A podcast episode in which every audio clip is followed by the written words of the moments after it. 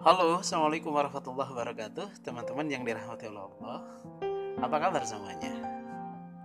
Mudah-mudahan eh, saya tidak henti-hentinya mendoakan teman-teman dan kita semua selalu dalam lindungan Allah Subhanahu wa taala. Teman-teman dalam kondisi yang serba susah ini, serba sulit ini. Eh, tentu saja eh, teman-teman akrab sekali atau mengalami situasi di mana ada saja orang-orang yang teman-teman anggap sebagai kacang yang lupa kulitnya. Ya, ya e, istilah ini e, untuk menggambarkan orang-orang yang kita anggap sebagai orang-orang yang tidak tahu cara berterima kasih atas apa yang sudah kita lakukan terhadap yang bersangkutan. ya, saya sebelum melakukan recording ini sih sebenarnya mencari-cari literatur yang eh, men, apa ya yang coba saya menelusuri kenapa istilah kacang lupa kulit ini menjadi istilah yang muncul kemudian menggambarkan situasi orang atau gambaran orang yang eh, tadi tidak tahu cara berterima kasih pada orang lain. Ternyata saya tidak menemukan literatur yang benar sih sebenarnya gitu ya. Hanya ada beberapa literatur cocokologi di mana yang mengatakan bahwa kemungkinan yang paling masuk akal katanya ini adalah uh, muncul dari ini asbabul wurudnya nih asbabul wurud itu adalah ilmu yang mempelajari bagaimana sesuatu itu kemudian turun dan menjadi keumuman gitu ya. Jadi penyebab situasinya itu seperti apa gitu lah kurang lebih ya. Jadi kenapa sih kacang lupa kulit ini menjadi istilah yang menggambarkan orang yang tadi yang lupa e, cara berterima kasih? E, konon katanya ini adalah muncul dari so, dulu kan pedagang kacang, kacang rebus, kacang tanah rebus asongan yang berkeliling itu kan biasanya berkeliling nih, berkeliling anggap misalkan di berkeliling di komplek perumahan gitu loh. Dan menjajakan dagangannya dengan cara berteriak kacang, kacang gitu kan, kacang, kacang gitu. Nah, sementara sering kali penjual kacang ini e, dicuekin sama warga sekitar justru gitu loh. Sehingga sehingga ketika kata kacang diucapkan dua kali itu menggambarkan situasi di mana kita sedang dicuekin sama orang lain. Ya. Walau alam ya bener atau enggak gitu loh. Tapi eh, eh, saya ingin membahas dengan kaitannya dengan situasi sekarang gitu loh. Di mana pasti gitu ya kita merasa bahwa ada banyak sekali orang yang menjadi tiba-tiba menjadi tidak kita kenal gitu loh. Bahkan seperti kayaknya kita dongkol gitu ya kok ini orang ini kok kayak kacang lupa kulit gitu ya. Kenapa ya? Memang di situasi seperti ini serba susah. Pastinya juga masing-masing orang kan juga sebenarnya uh, pasti akan egois menyelamatkan dirinya masing-masing gitu loh. Kita pasti akan dengan secara manusiawi secara umum gitu ya tidak akan terlalu peduli dengan kondisi orang lain. Tapi padahal Mari kita bedah dua hal gitu loh. Yang pertama, kenapa mesti ada istilah kacang lupa kulit? Kalau kita melakukan sesuatu itu dengan ikhlas, kan nggak mungkin ada istilah itu.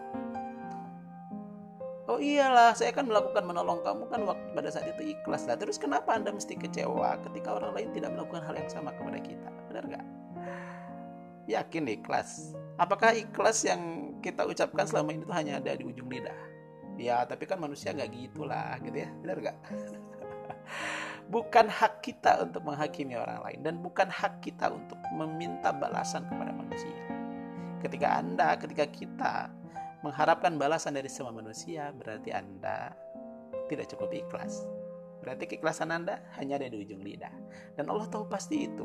Sampai sejauh mana hati anda terlibat ketika kita mengatakan bahwa saya ikhlas melakukan ini Ikhlas sejatinya adalah kita melakukan itu semata-mata hanya karena ingin memenuhi perintah Allah dalam berbuat kebaikan.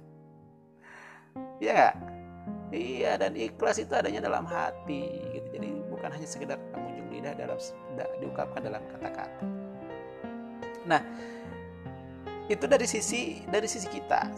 Nah, kemudian ada juga istilah yang lain yang juga harus kita renungkan bahwa dalam uh, hadis dikatakan bahwa ketika dalam suasana yang seperti ini kan dianjurkan untuk bersedekah. Ini kan bukan sesuatu hal yang biasa. Gitu lagi susah kita lagi susah dianjurkan untuk bersedekah ya Allah ya kan lagi berlapang aja lagi segala punya segala gampang aja kita susah sedekah nah sekarang lagi segala susah kita disuruh bersedekah dan dalam hadis itu dikatakan bahwa sedekah itu adalah eh, akan menolak bala di mana korelasinya sebenarnya coba ini adalah soal keimanan lagi-lagi soal keikhlasan tadi Di mana kalau kita menolong orang lain, menolong kesusahan orang lain, maka Allah yang akan menolong kita. Itu aja. Tapi lagi-lagi ini hanya mudah diungkapkan, hanya mudah diucapkan, tapi juga sangat susah untuk kita implementasikan. Benar kan? Jadi saya ingin menyampaikan demikian bahwa dalam situasi yang sekarang ini yang sedang kita hadapi sama-sama, bahkan dunia sedang hadapi sama-sama. Ikhtiar yang kita lakukan itu adalah hanya semata-mata ikhtiar kewajiban kita.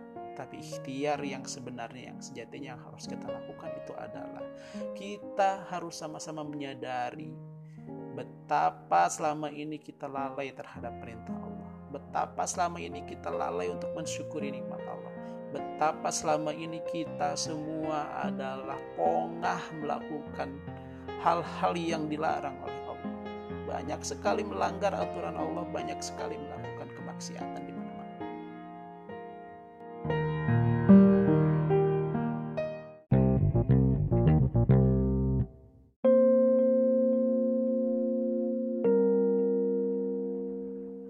Teman-teman yang dirahmati oleh Allah, satu hal yang ingin saya sampaikan. Pada kesempatan yang ini kan sekarang kita sedang sedang kita akui saja ketakutan, kekhawatiran, ya kan? Terus setiap saat menghantui kehidupan kita, menghantui pikiran kita.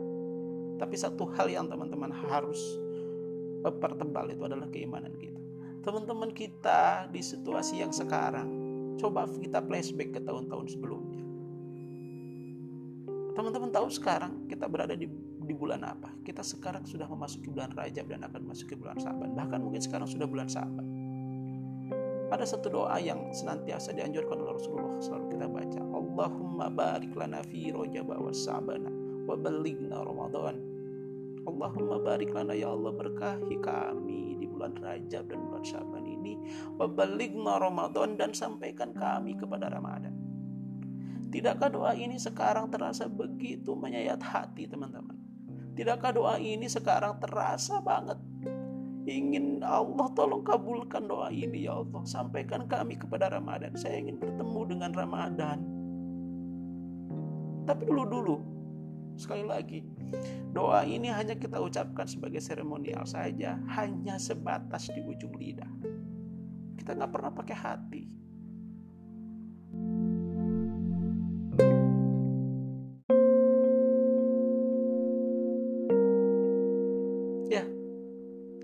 teman-teman.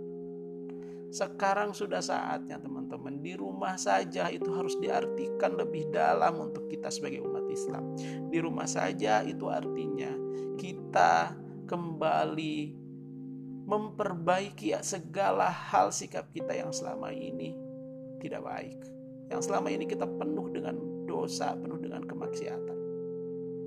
Di rumah saja selama 24 jam itu mari kita berbanyak dengan ibadah Perbanyak dengan ibadah. Yang selama ini kita masih bolong-bolong sholat lima waktu. Yuk kita sholat lima waktu tepat waktu. Sekalian dengan rawatibnya. Yang selama ini kita tidak pernah tahajud, tidak pernah duha, tidak pernah ngaji, tidak pernah zikir. Lakukan teman-teman. Bayangkan teman-teman jika kita seluruh umat Islam melakukan hal yang sama, menyadari segala bentuk kesalahan dan kelalaian kita selama ini di waktu-waktu yang mustajab di sepertiga malam ya di waktu-waktu duha apa Allah tidak terketuk pintunya? Apa pintu langit tidak akan terbuka? Berapa banyak jumlah umat Islam di dunia? Berapa banyak jumlah umat Islam di, di Indonesia?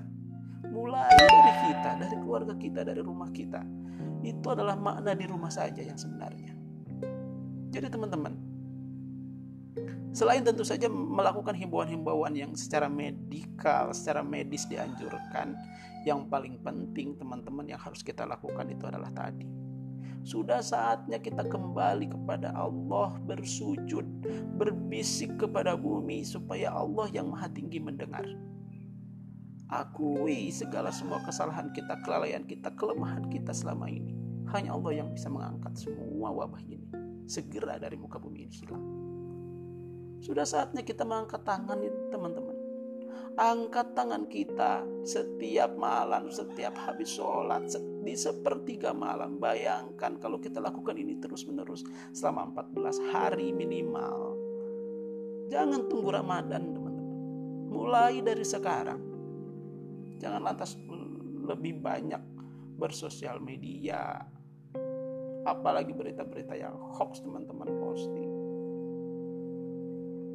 Sadari betul bahwa ini adalah peringatan dari Allah Subhanahu wa taala. Allah ingin kembali. Allah ingin kita ini kembali kepadanya. Allah ingin kita kembali bersujud kepadanya. Sudah saatnya kita angkat tangan, teman-teman. Tanda kita menyerah dari semua. Sudah saatnya kita angkat tangan, panjatkan doa. Sudah saatnya kita meminta pertolongan Allah. Angkat tangan biar Allah segera turun tangan untuk menyelesaikan semua wabah ini. Terima kasih teman-teman. Mudah-mudahan ada manfaat.